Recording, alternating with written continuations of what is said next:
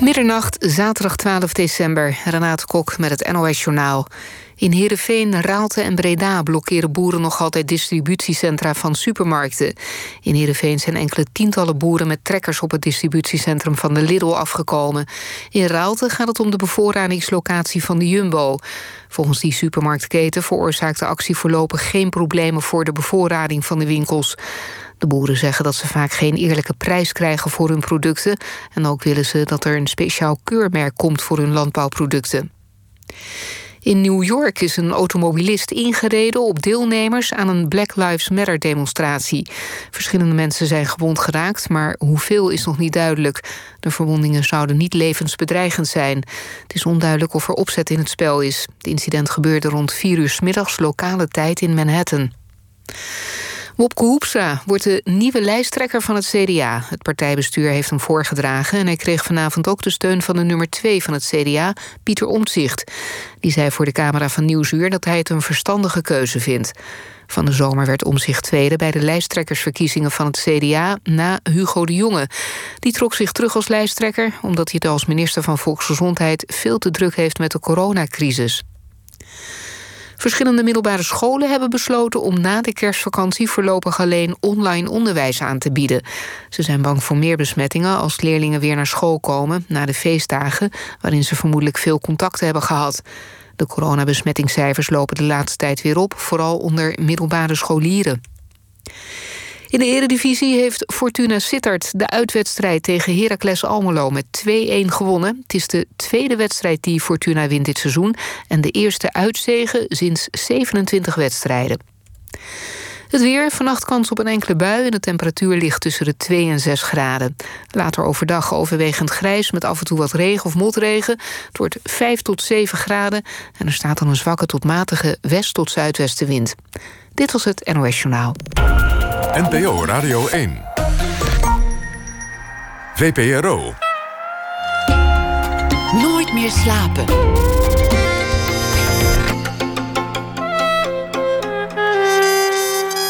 Met Atze de Vriezen.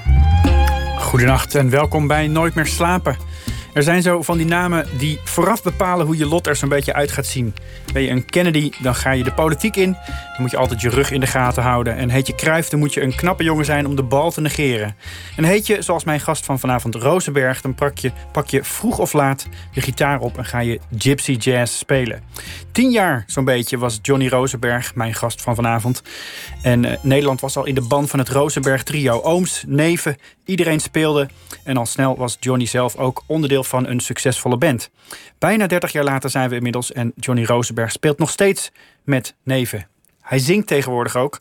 En dat is opmerkelijk, want daar is in de virtuose, virtuose Sinti-muziek vaak helemaal geen ruimte voor. En hij maakt die ruimte dus zelf. Nu is er een nieuw album genaamd Double Scotch van Johnny met zijn neef Moses en eh, Sani van Mullum, die weliswaar een andere naam draagt, maar eigenlijk ook gewoon familie is. Welkom, Johnny Rosenberg. Leuk dat je er bent. Superleuk en hartstikke gezellig. Is het nou zo, uh, zo, zo dwingend als ik het voorstel? Dat, uh, dat, dat lot, dat je vroeg of laat, dat je eigenlijk niet aan ontkomt om gewoon die muziek in te rollen? Nou ja, bij ons is het uh, zo. Wij groeien letterlijk en figuurlijk met die muziek op. Ja. En um, het komt eigenlijk ook een beetje. Django Reinhardt vroeger was ook een Sinti. En, de grote Belgische de grote voorganger. Belgische, ja, ja, precies. Was eigenlijk een god voor ons. Ja. Hij was ook de grondlegger van deze muziek die wij maken. Uh, van de Gypsy Jazz. En ja, goed. Uh, wij zijn opgegroeid met Django Reinhardt zijn muziek. En als kleine jochies zaten wij al naar het Rosenberg trio te luisteren. En dan zaten het was we... eigenlijk net een soort halve generatie voor jou, hè? Dat ja, dat klopt. Dat klopt. En dan zaten wij bij het kampvuur bijvoorbeeld op een plank te spelen. Dan deden wij alsof dat een gitaar was.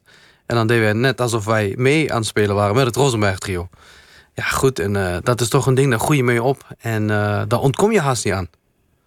Ik zag beelden van jullie toen je echt jong was.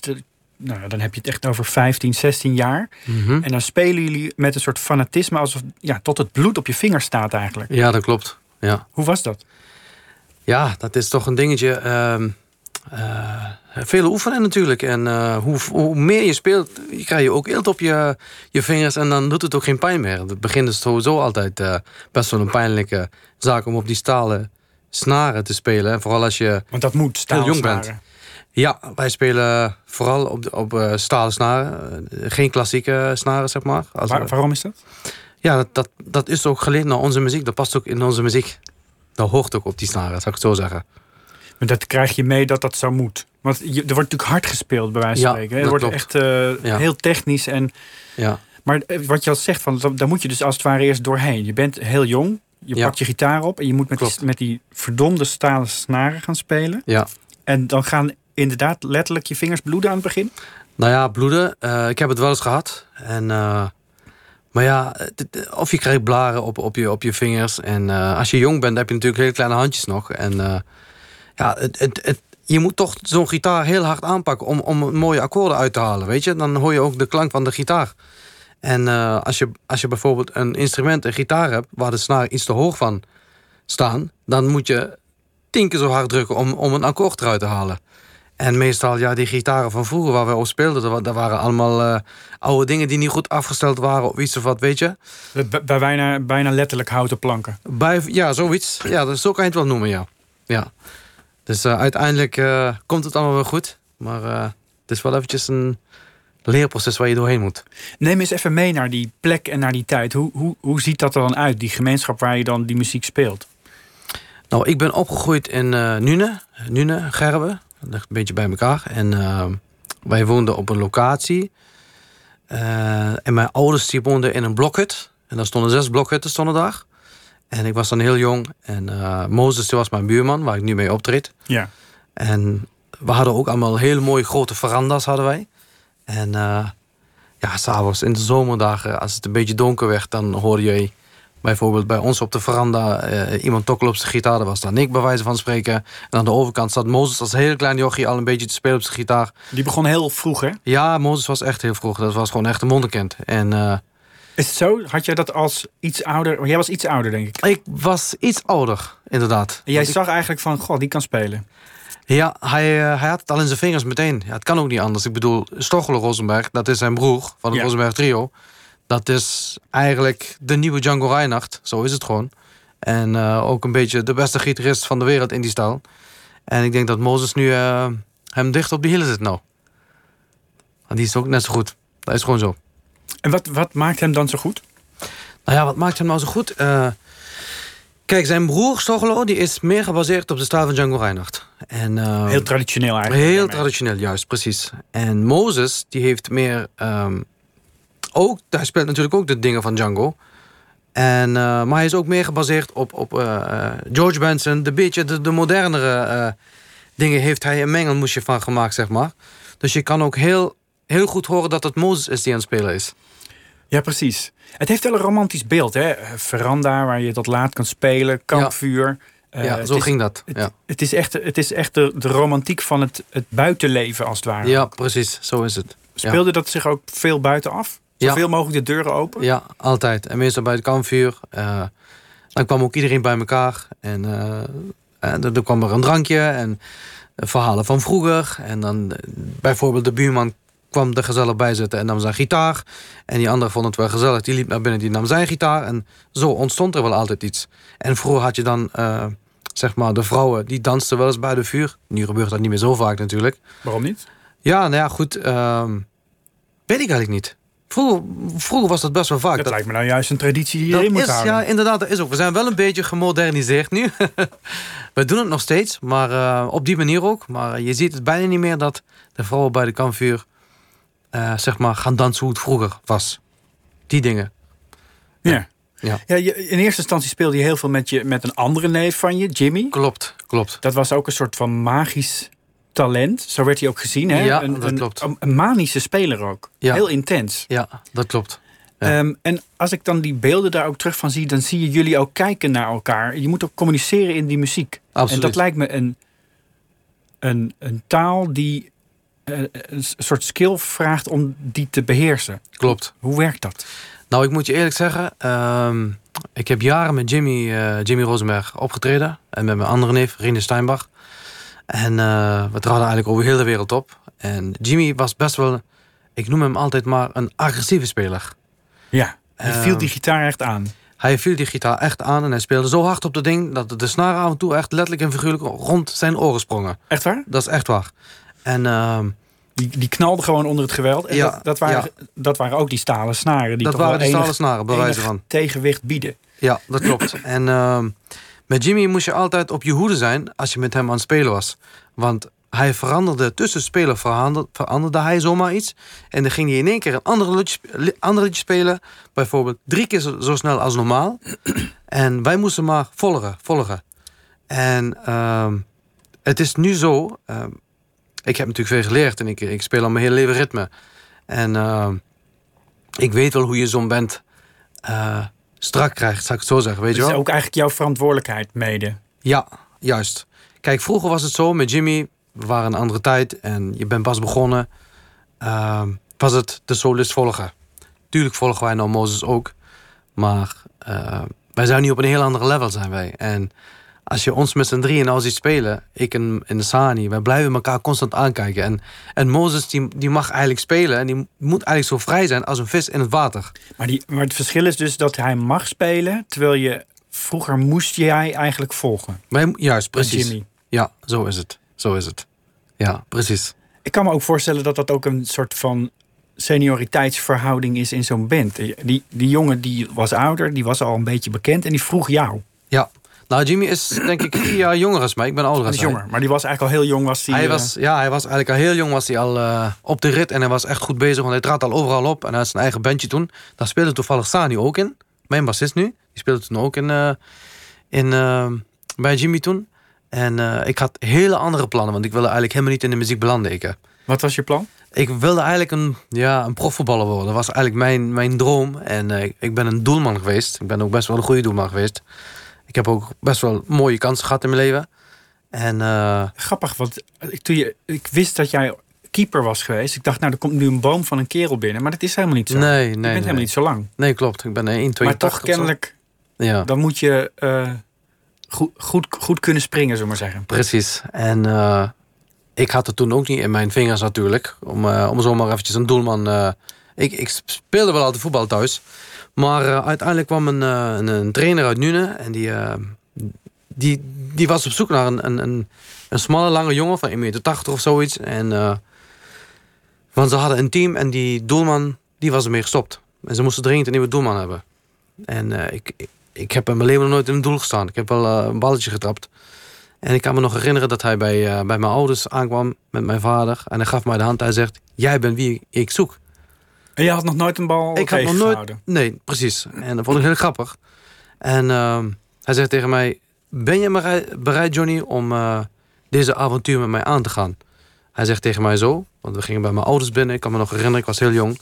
Hij zegt, ik ga jou trainen... dat je tranen in je ogen krijgt. En dat was ook letterlijk en vrolijk ook echt zo.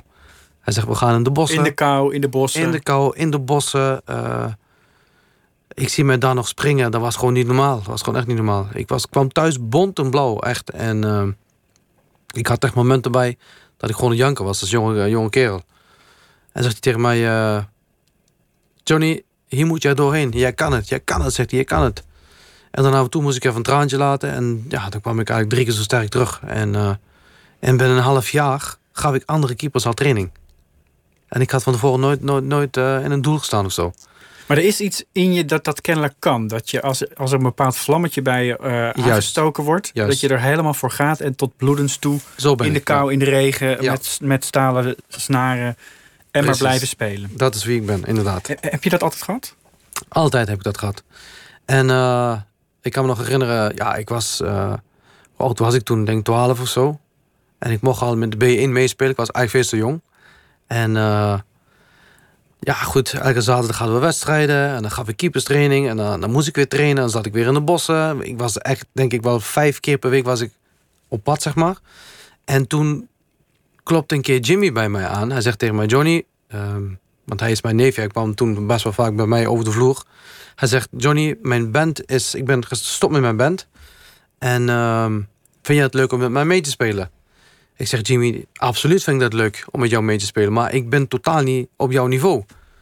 En eh, hij zegt, Johnny, jawel, dat kan jij wel. Oefen gewoon en ga er gewoon voor. En uiteindelijk heb ik de knop doorgehakt. Want eh, eh, hij had zeg maar, best wel veel problemen met zijn band toen die tijd. En ze hadden toen een cd opgenomen met de Gypsy Kids. En ik kan me nog herinneren... De Gypsy Kids. De Gypsy Een Kids knip, waren dat. knipoogje naar de Gypsy Kings. Ja, ja, maar ze waren heel Kan jong niet lang toen. goed gaan, zo'n naam natuurlijk. Nee, ja, precies. En, eh, en ze hadden een cd opgenomen. Maar die cd was nog niet af, want zijn band eh, die, die was, weggelopen. Hij zegt, Johnny, kan je dat even inspelen? Dus ja, ik heb er natuurlijk wel eventjes voor geoefend. Maar toen was ik nog echt volop in mijn, eh, in mijn droom. eh, voetbalcarrière. Ik wilde een, eh, een bekende Maar je doelman. was dan in 15, 14, zoiets. Eh, zoiets, zoiets. maar dan was hij echt eh 10, 11 jaar oud. Klopt, klopt, klopt. Jimmy was gewoon echt een wonderkind ook. Dus ik had, eh, denk een eh, stuk of vijf, zes liederen had ik ingespeeld voor hem. En uiteindelijk kwam zijn band weer samen. Dus dan zat ik weer thuis, bij wijze van spreken. Ik deed Ja. gewoon mijn dingetje, want ik, eh, ik had het niet in mijn, in mijn achterhoofd om door te breken in de muziekwereld. Maar toen Jimmy mij dus vroeg, vond ik natuurlijk wel een kans. En ik heb gezegd, Jimmy, ik beloof je, ik ga me hier hard voor maken. En binnen drie maanden stond ik gewoon klaar. Ik heb gerepeteerd, geoefend, dat eh blaren op mijn handen zaten. Gewoon eh, vijf, zes uur per dag. En binnen drie maanden later ging ik met hem over heel de wereld. Want het was ook echt een tijd dat jullie in New York speelden. Ja, we hadden toen een contract bij Sony eh, voor zeven cd's, kan ik me nog herinneren. En wij hebben toen voorprogramma's gedaan van James Brown in Finland. Bij een hele grote jazzfestival was dat toen, vergeet ik nooit meer. We hebben op feesten gespeeld van Mariah Carey als jonge gastjes uit Nune. Dat is ongelooflijk, hè? Wij moesten eh, spelen bij David Letterman. Al die grote shows hebben we allemaal gedaan. Maar dat is een gekkigheid, want dan, dan ben je dus echt nog tieners. Dan ben je eigenlijk, Ja. wat je normaal, een soort kindsterren ben je dan Ja, eigenlijk. ja, ja, klopt. Ja, Dat, dat heeft een bepaald soort dynamiek die niet te vergelijken is met een... Want het is een volwassen wereld waar je in terechtkomt. Ja, James klopt. Brown is op dat moment al een man op leeftijd. Ja. Die heeft alles meegemaakt. ja, En jullie komen daar als jonge gastjes in terecht. ja. Werden jullie daar niet door vermorseld?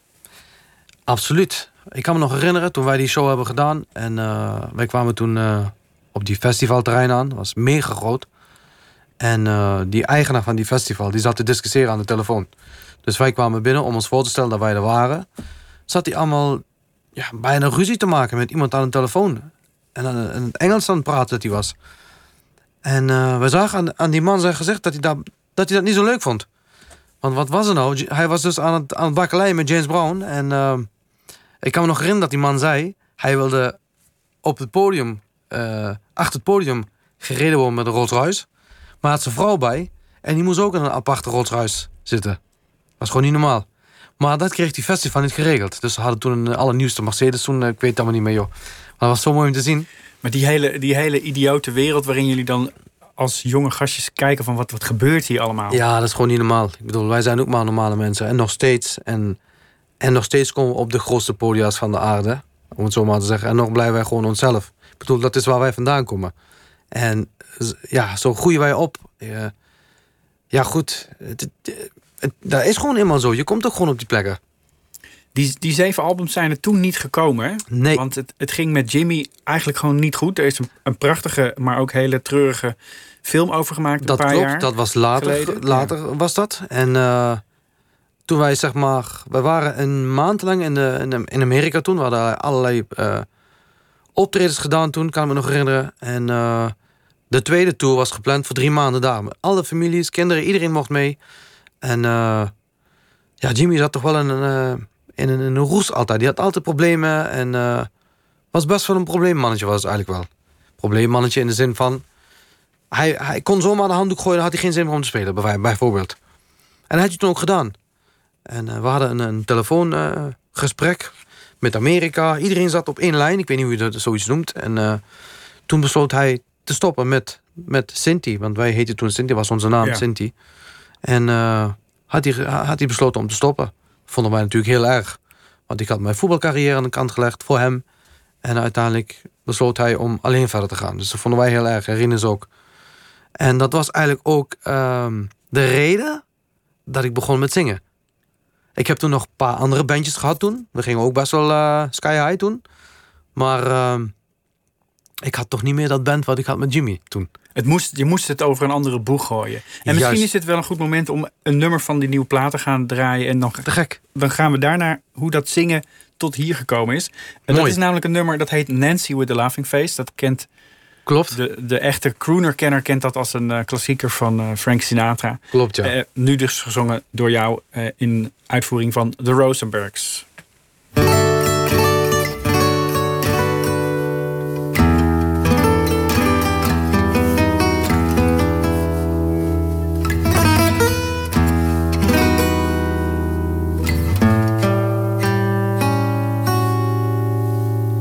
If I don't see her each day, I miss her. Gee, what a thrill each time I kiss her. Believe me, I've got a case on Nancy with a laughing face. She takes the winter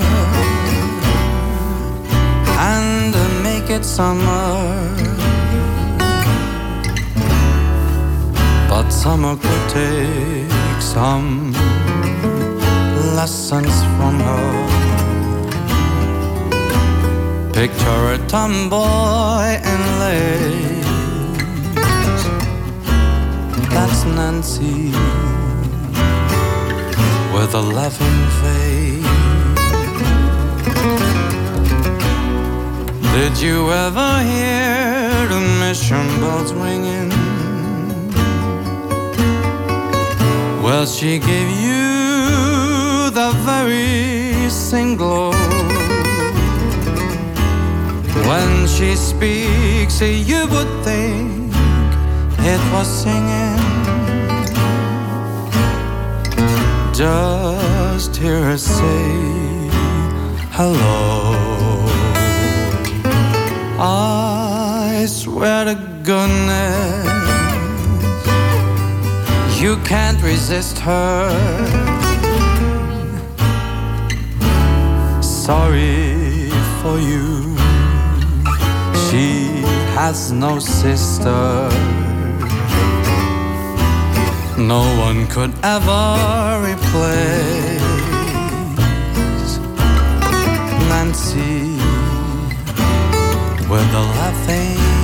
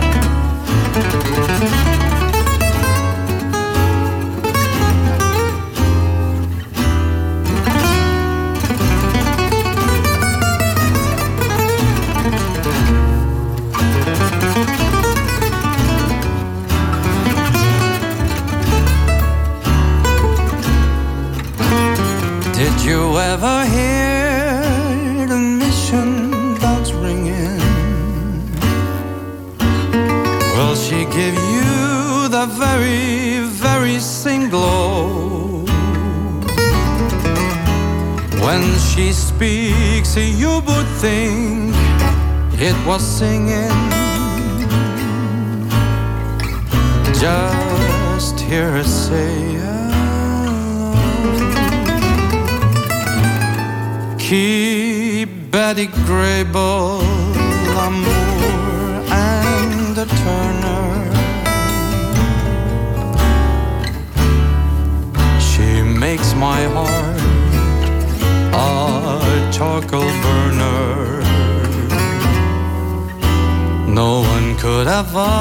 Replace my Nancy with.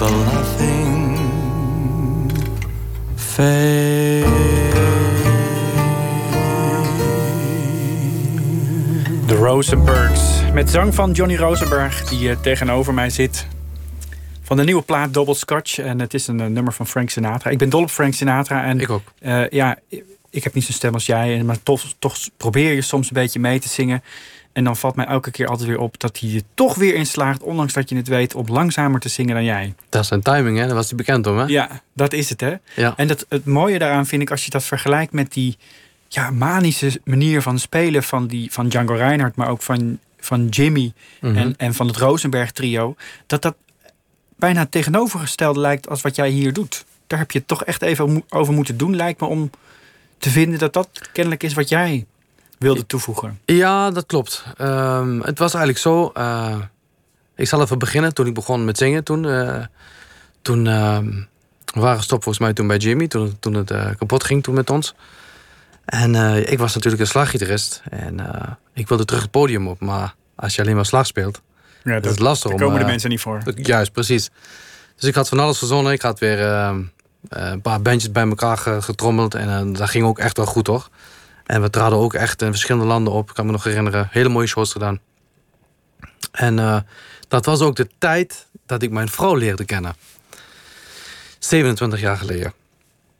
En mijn vrouw, die, die, dat is een gekke zangeres. En die zong ook in de kerk. En nog steeds doet ze dat. En ja, goed, ik heb haar leren kennen. En ze zegt tegen mij eh, op een avond, zag ze mij aankomen lopen. En ik had een, eh, een Walkman op. Hadden wij toen die tijd nog.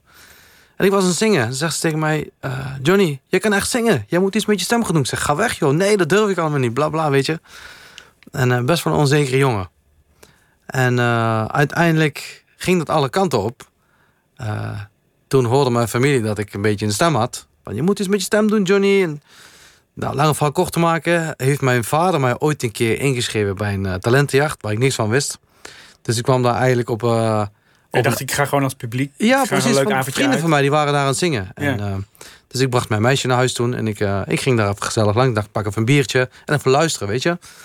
Dus wat ik dus niet wist was dat ze mij al ingeschreven hadden toen. En ik kom binnen en drie, vier zangers hadden daar gezongen. Was hartstikke mooi, gezellig, leuk. Zei die vrouw, ja, we hebben hier nog een zanger in ons midden. En eh, we hopen dat hij eventjes een liedje voor ons gaat zingen. Dat is Johnny Rosenberg. Ik, zeg, ik wilde eruit rennen. Ik zeg, wat? Is, waar hebben ze mij nou weer geflikt? En eh, ja, toen zat iedereen aan mij te trekken om dat te doen. Dus dat heb ik toen ook gedaan.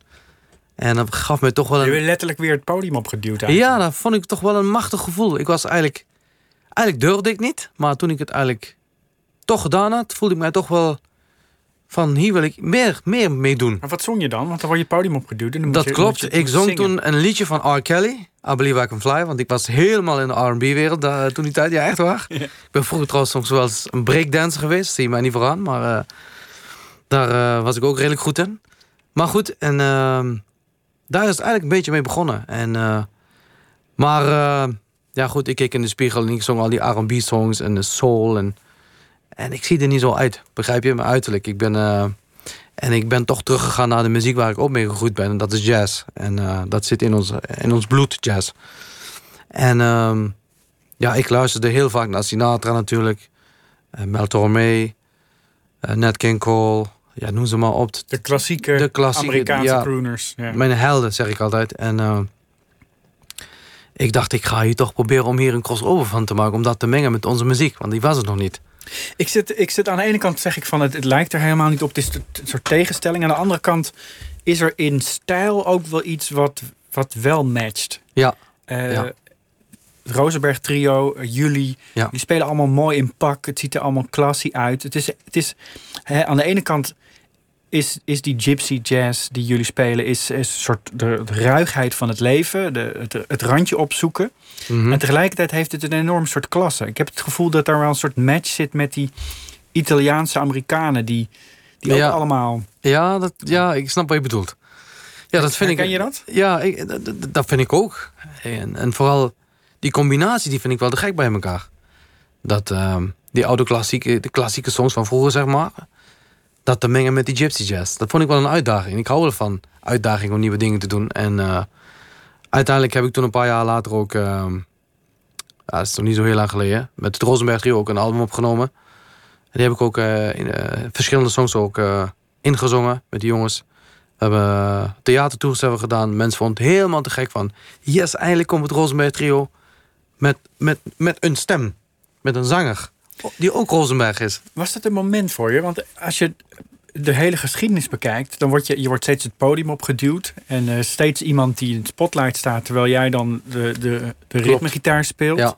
Ja. Eh, ik, ik kan me ook voorstellen dat dat in je hoofd zit. En misschien ook wel die legacy van je familie. Dat, er is toch een bepaald aanzien. Hè? Je, je oudere neef Stochelo wordt Ja. gezien als inderdaad een soort plaatsvervanger van God op aarde. Ja. Als we God even Mhm. eh, Django Reinhardt noemen. Ja. En dan, dan moet je ook maar durven om te zeggen: ja, ik heb ook iets. Ik kan ook iets. Ja. Ja, dat was wel een dingetje. En ik vond het ook wel spannend om, om dat ook te doen op het podium samen met het Rosenberg Trio. En eh, ja, goed, de mensen reageren daar eh, ja, super, super, super goed op. En eh, ja, van, dit moeten jullie vaker doen met, met, met, een, met een zanger. Vooral in die stijl wat ik nou gedaan heb, zeg maar. We hebben toen ook dat album opgenomen, La Familia. En dat ging echt goed ook. En ehm, uiteindelijk heb ik later eh, het album opgenomen met mijn band. Want Dubbel Scotch lag eigenlijk al drie jaar op de plank. En ehm, ja, goed. Maar La, La Familia, op zijn Italiaans dus. Ja, ja, ja. ja omdat we allemaal familie van elkaar zijn. En ook allemaal Rosenberg zijn. Je had Noesje Rosenberg, Nonnie Rosenberg, Stochel Rosenberg, Mozes Rosenberg en Johnny Rosenberg. Hoe te gek is dat, weet je? En eh, ja, uiteindelijk ehm, besloot ik dit ook in mijn eigen trio te gaan doen met de Rosenbergs. Want eh, Te zingen bedoel je? ja, Ja. ik heb zoiets van. Ja, wij houden ervan om dingen niet standaard te spelen, wij met mijn trio. En eh, ik denk ook momenteel, dat is absoluut niet om langs mijn schoenen te lopen, eh, dat wij ook momenteel de beste jazztrio van de hele wereld zijn. Dat horen wij eigenlijk in dat kringetje horen wij dat van heel veel eh, vrienden, collega's, ook in het buitenland. En ehm, ja, nogmaals, wij spelen niet dingen Tuurlijk spelen we ook, de Django Reinhardt-stijl, de, de, de, het echte werk van Django. Maar eh, wij houden ervan om juist net de lat hoger te leggen. En wij willen ook graag onze muziek ook naar hogere level willen wij die trekken. Ik, ik wil even naar die Django Reinhardt toe. Want zijn naam valt al... Ja, al, we zijn nog geen minuut aan het praten of zijn naam valt Vaak al. valt dat die, is natuurlijk altijd zo. ja, klopt. Dat, dat is een soort iconisch figuur. eh, Ja. Geboren in 1910, overleden eigenlijk best wel jong, maar na de oorlog in 1953. Eh, Klopt. En in, eno- in die tussentijd een enorm stempel gedrukt op die muziek. Wat was nou datgene, wat is nou die legacy die hij achtergelaten heeft? Nou ja, goed. Ik vind het... ehm, wat hij daar gedaan heeft. Hij speelde dus... Vroeger speelde hij banjo, banjo Django. En eh, ja, uiteindelijk heeft hij zijn eigen weg gecreëerd. Zijn eigen muziek gecreëerd. Op zo'n gitaar, weet je wel? En eh, Hij was ook heel technisch, toch? ja, hij was heel technisch. En eh, wat die man daar heeft gedaan... die heeft heel de wereld op zijn kop gezet met die muziek. Want over heel de wereld spelen ze zijn muziek nu nog steeds. En het groeit niet normaal. Nog steeds. Nog steeds, nog steeds. En waar, waar groeit het dan? Ja, in, in alle landen over heel de wereld. Er zijn dus speciale festivals die aan hem en aan zijn werk. eh, Ook, ook, maar je hebt ook heel veel gypsy jazz scholen in, in Ja. Spanje, eh, Tokio, Japan, eh, Korea, Amerika heb je een hoop. Ja, noem maar op. Bijna elk land heb je wel mensen die die muziek willen leren. hij werd geboren in België, leefde Ja. lange tijd in Frankrijk. Dat is niet zo heel ver weg. Klopt. Zit, zit daar een, een familieconnectie ook? Ja. eh zal ik zo zeggen? Mijn oma, die is ook Reinhard geweest. En eh, mijn oma, die vertelde mij altijd toen ik klein was... eh, dat haar vader, die heb ik gekend... dat hij toen hij klein nog was... speelde hij met Django Reinhardt samen. Geen muziek, maar gewoon waren vriendjes van elkaar. precies. Ja. En eh dan lagen ze samen in een bed, bij wijze van spreken, in een stapelbed. Dan lag mijn opa beneden of boven. En hij lag dan op zijn rug, Django, met zijn gitaar. En zat hij gewoon te spelen. En dan zo. Dat vertelde mijn oma altijd. eh, Ik kon het haast niet geloven natuurlijk. Maar eh, Ja, want ik je- denk ook je- dat het familie van ons is, Django. Je weet eigenlijk niet zeker. Je hebt niet uitgezocht hoe het precies nee, die stamboom die, die, die is helaas... Dat, dat ligt zo... eh, ja, je hebt zoveel Sinti's, zeg maar... in de wereld, om het zo maar even te zeggen. En ook heel familie in België, Frankrijk, Duitsland. En ja, goed. Ik denk, ik denk wel dat wij familie van Django zijn. Dat voelt in elk geval zo. Ja, absoluut zeker, ja. Ja, maar je, je groeit natuurlijk op met zo'n naam. Die, die hoor je de hele tijd. En op- jullie zitten natuurlijk in een generatie dat eigenlijk de laatste mensen die hem nog daadwerkelijk gekend hebben, langzaam maar zeker overlijden. Als Ja. je nu hem nog gekend moet hebben, dan moet je op zijn minst 85 zijn. Ja, ja, ja. Ja, dat denk ik wel. Dan, dan Ja, ik, vind- ik vind het jammer. Ik, ik, ik ben nog te jong dat wij hem nooit hebben mogen zien, bij wijze van spreken. Maar goed, ik vind het eh, ja, goed, geweldig dat zijn muziek overal nog voortleeft. En dat wij dat nog mogen spelen. Ik, bedoel, mijn kinderen, ik heb een zoon van 19, eh, Nigel. En ik heb een zoon van 11, dat is James. En nog een zoontje van 9, dat is Dean. En die zijn alle drie ook muzikaal bij het leven. En dat wordt gewoon doorgegeven, constant. Het is niet dat wij zeggen van pak die gitaar of leer dit of leer dat. Maar mijn zoon, die speelt dag en nacht de liedjes van Django. Dus- Gewoon, het gaat gewoon door. En, en, en, en James, mijn tweede zoontje, die, die begint daar nu ook al mee. Hij is ook een zanger, een hele goede zanger is het. En eh, ik heb al verschillende talentenjacht op televisie met hem ook gedaan. Superkids en eh, allerlei andere dingetjes. En, eh, maar hij, hij, hij grijpt toch naar de gitaar. Nieuw ook. Z- Zullen we even naar jullie ode gaan aan Django Reinhardt op de plaat? Het is het titelnummer van het eh, nieuwe album, Double Scotch. Het Ja. is Een compositie van hem, toch? Ja, dat is van, eh, van Django Reinhardt, Doppelschat, ja. Van de Rosenbergs. Yes.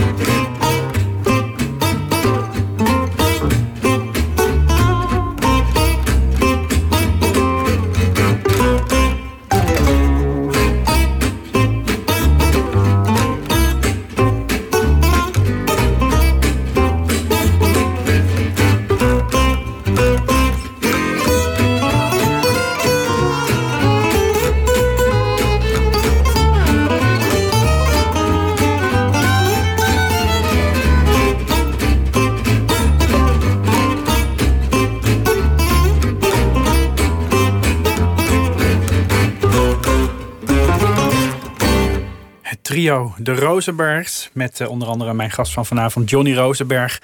Die daar eh, een, een ode brengen aan de grote meester Django Reinhardt. eh, van de nieuwe plaat, Double Scotch. Double Scotch, ja.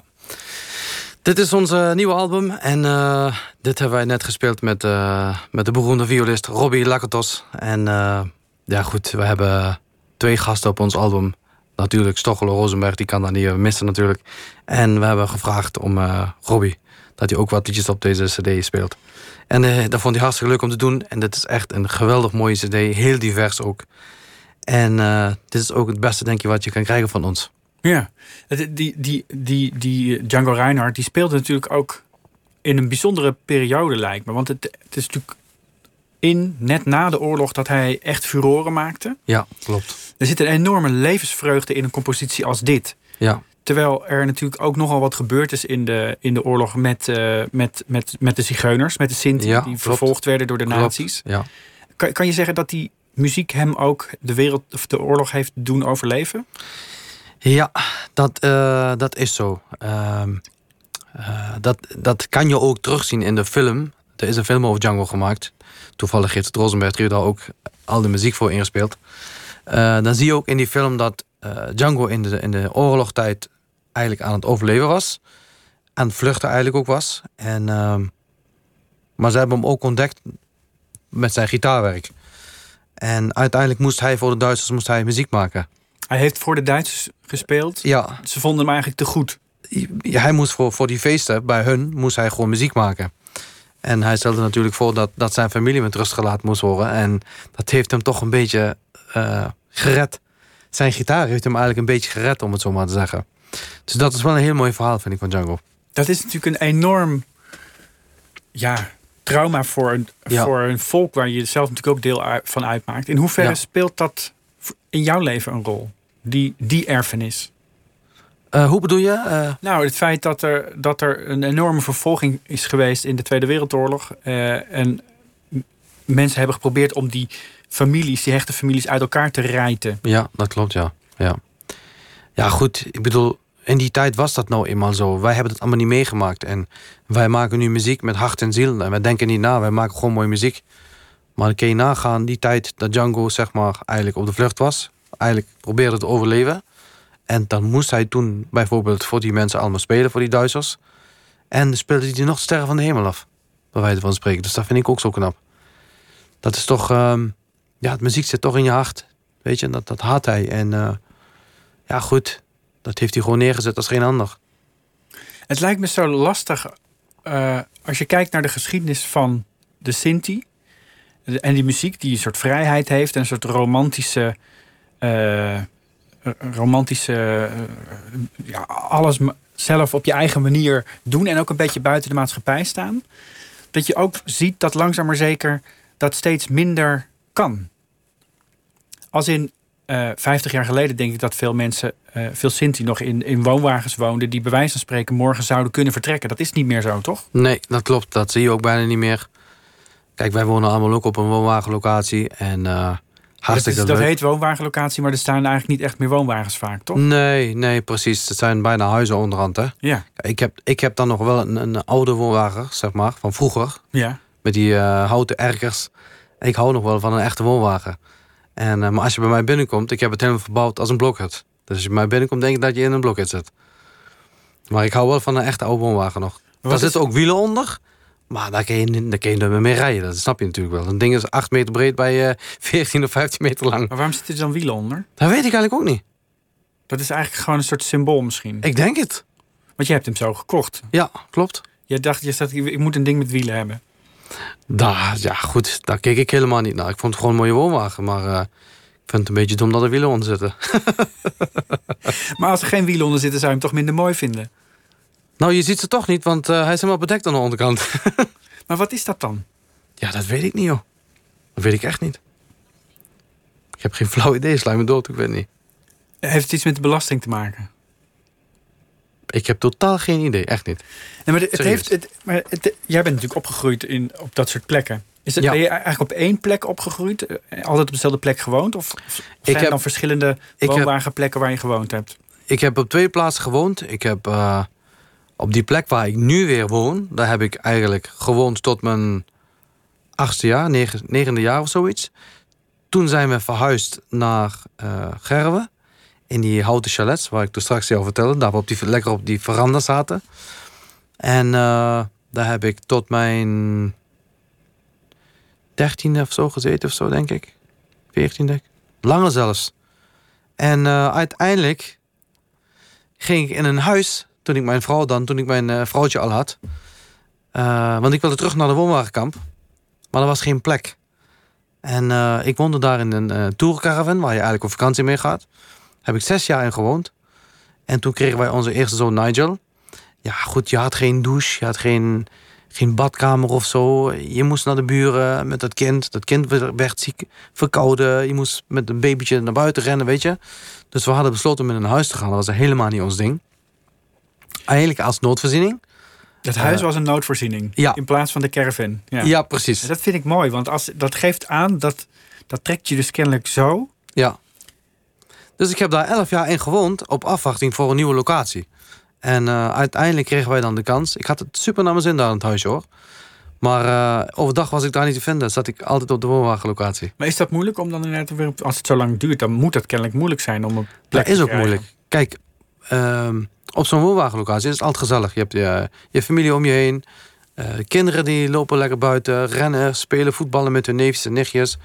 Ja, wij, wij zoeken elkaar ook op. S'avonds zit je bij de buren, lekker een biertje te drinken of muziek te maken. Of je barbecuet samen met, met, hè, met, met je vrienden en, en familie onder elkaar. En in zo'n huis gebeurt het bijna niet. Eh, zit je daar toch met je gezin alleen, ook gezellig. En eh, dan mis je toch wel je mensen om je heen. Daarom was ik ook elke dag ook te vinden op de woonwagenlocatie. En na elf jaar kregen wij de kans om een woningruil te doen met een tante van mijn vrouw. Dus die, Die, ging die er- was het zat. Die was het wilde zat, die wilde er weg. Ja. En eh, ik dacht, yes, dit is mijn kans. En toen ben ik teruggegaan. Maar het zijn dus eigenlijk een soort kleine gemeenschappen buiten de gemeenschap. Voelde je dat zelf ook zo toen je bijvoorbeeld jong was? Dat je, dat je als het ware er, er buiten stond? En werd, Eh. was dat iets wat gekoesterd werd ook? Eh, de- wonen op een woonwagenkamp bedoel je? Of? Ja, maar ook als het ware buiten de maatschappij te staan op een bepaalde manier. Nee, zo voelde ik dat nooit. Nee, absoluut niet. Dat is gewoon een, een stijl van wonen. Ja, precies. Eh, Hoe ik al vertelde, ik ging in dat huisje toen en ik was blij dat ik een onderdak had. En eh, het was een hoekhuisje, een hartstikke mooi huisje. En eh, ja, goed, mijn zoon, die was, die was overdag ook niet thuis te zien. Hij zegt, papa, ik ga en ik zie je later wel. En hij was elke dag te vinden daar bij zijn opa en oma.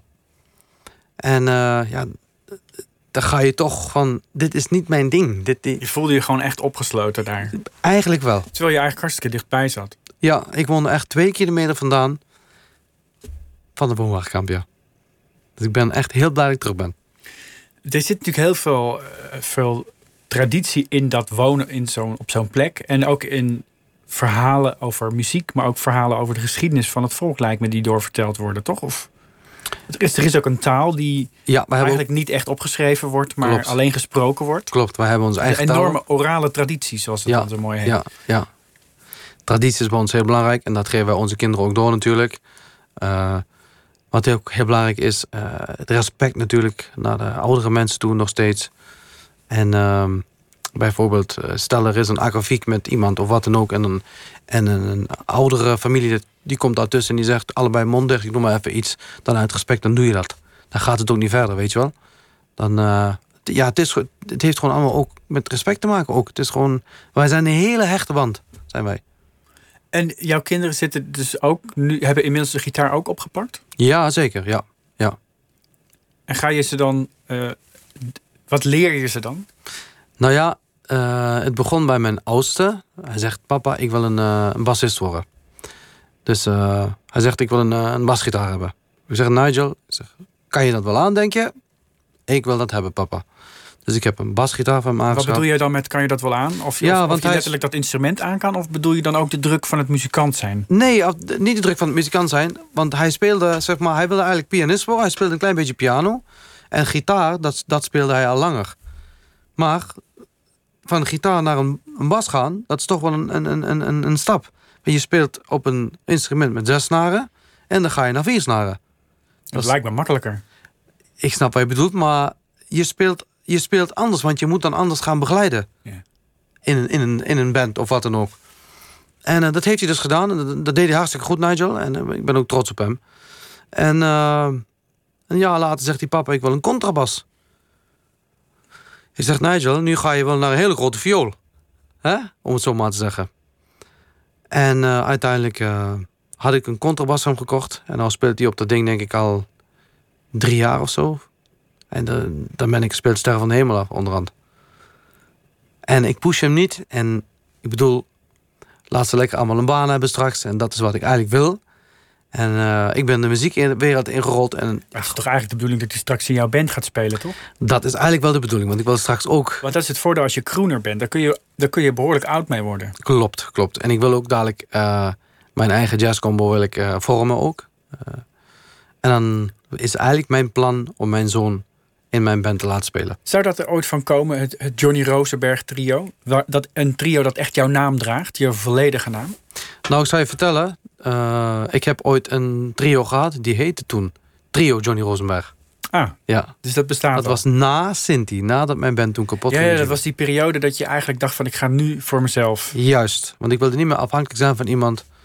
En eh, ik vond het zo jammer, dan bouw je iets op... en iemand anders trekt de stekker eruit en dan moet je maar mee. En nu had ik zoiets van, ik doe het lekker zelf. En eh, ja, goed. En daarom ben ik eigenlijk ook gaan zingen ook. Ik heb niemand meer nodig, snap je? Maar dat ging natuurlijk niet meteen goed. Als, als in, je hebt daar echt behoorlijk voor moeten knokken om je Ja. bestaansrecht te krijgen. Had je dat, was dat een tegenvaller? Ehm, het ging niet makkelijk natuurlijk. Eh, want ik had toch wel een droom. En ik wilde bepaalde dingen wilde ik bereiken in mijn leven. Je En, zit op een high van het succes en, en Ja. de zalen die je vol zijn voor je. Ja, en eh, ja, ik heb het toch wel zover gekregen. Het was wel even knokken. Het was vooral veel repeteren natuurlijk.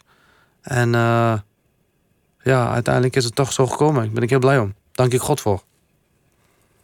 Nu ben je al heel lang muzikant. En je zit natuurlijk in een bepaald circuit Ja, waar eh, mensen elkaar allemaal kennen. Ja. Zo stel ik me dat voor. ja. Eh, is dat heel Europa? Gaat het daar buiten? Hoe moet ik dat zien? Nou ja, met de Rosenbergs treden we eigenlijk wereldwijd op. En we hebben nu weer een hele hoop aanvragen gekregen voor buitenland, Amerika, eh, Frankrijk, eh, Duitsland, België. Eh, ja, wij vliegen eigenlijk echt over heel de wereld met mijn band. Want je zei net, ja, het was, het was eigenlijk voor, het zou een heel goed jaar worden. Klopt, ja, klopt. En dat is helemaal natuurlijk voor je ogen verkruimeld. Ja, ja, ik ben natuurlijk heel druk met mijn jazz trio, de Rosenbergs. Maar solo ben ik ook echt heel druk. Ik heb verschillende groepen waar ik ook in zit. Zo heb ik een act bijvoorbeeld met Peter Douglas, een vriend van mij. Eh, de Nederlandse Frank Sinatra treden wij op door Nederland als Douglas en Rosenberg, als Bublé en Sinatra. En eh, normaal gesproken deze maanden de- de- de- zitten wij rond de 25, 30 shows bijvoorbeeld.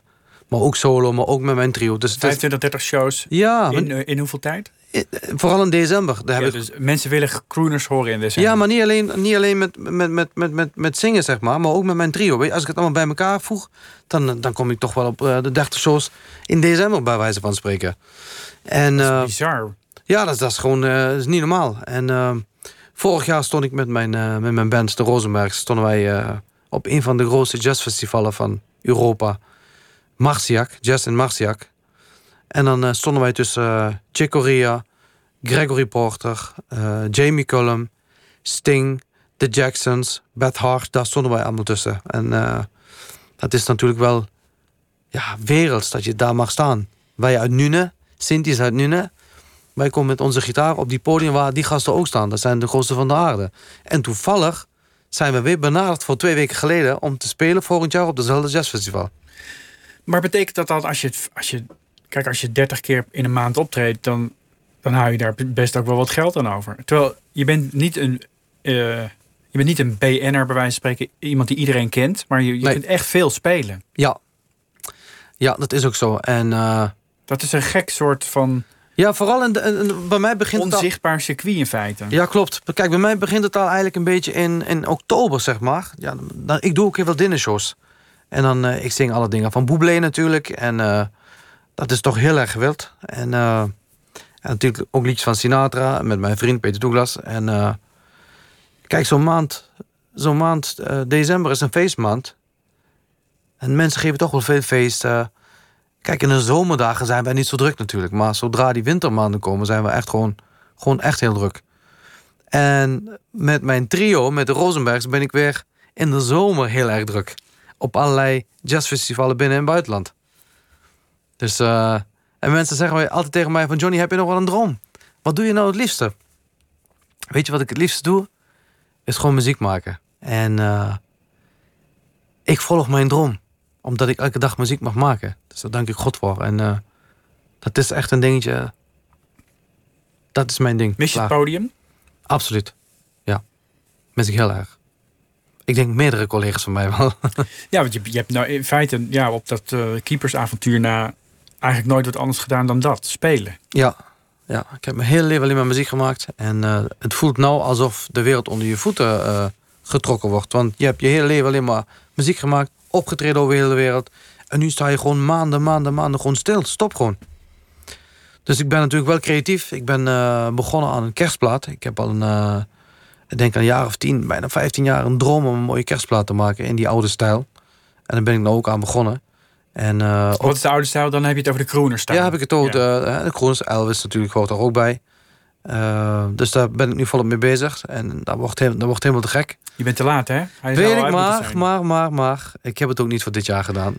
Dus uh, Maar ga je dan eigen nummers ook doen? Of is dat dit het, alleen repertoire? het bekende repertoire van de, van, van de oude classic songs, zou ik, zou ik maar even zeggen. Dat, dat, maar die komen natuurlijk wel allemaal in een Rosenberg jasje. Dus wordt wel eigen gemaakt natuurlijk. Wat er nog niet is. Dat is zo uniek.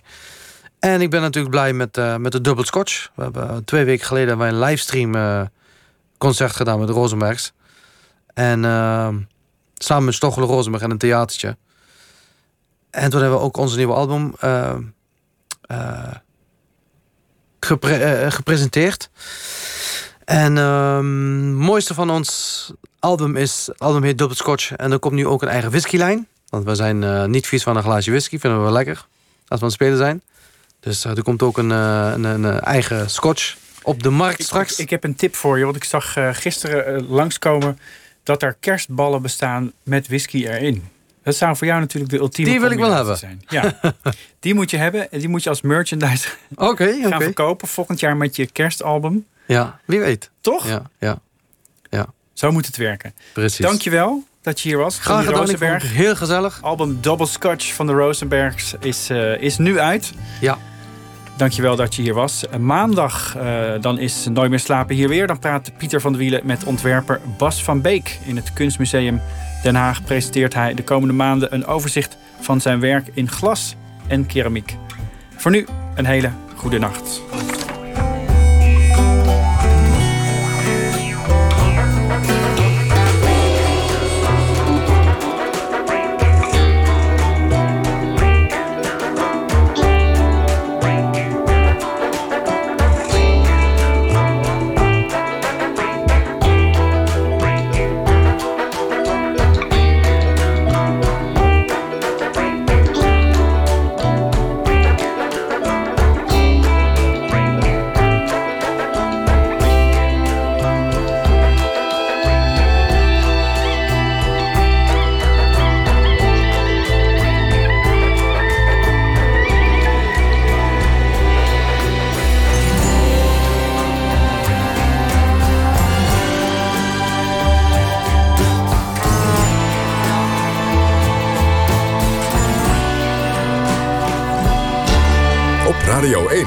Het nieuws van alle kanten.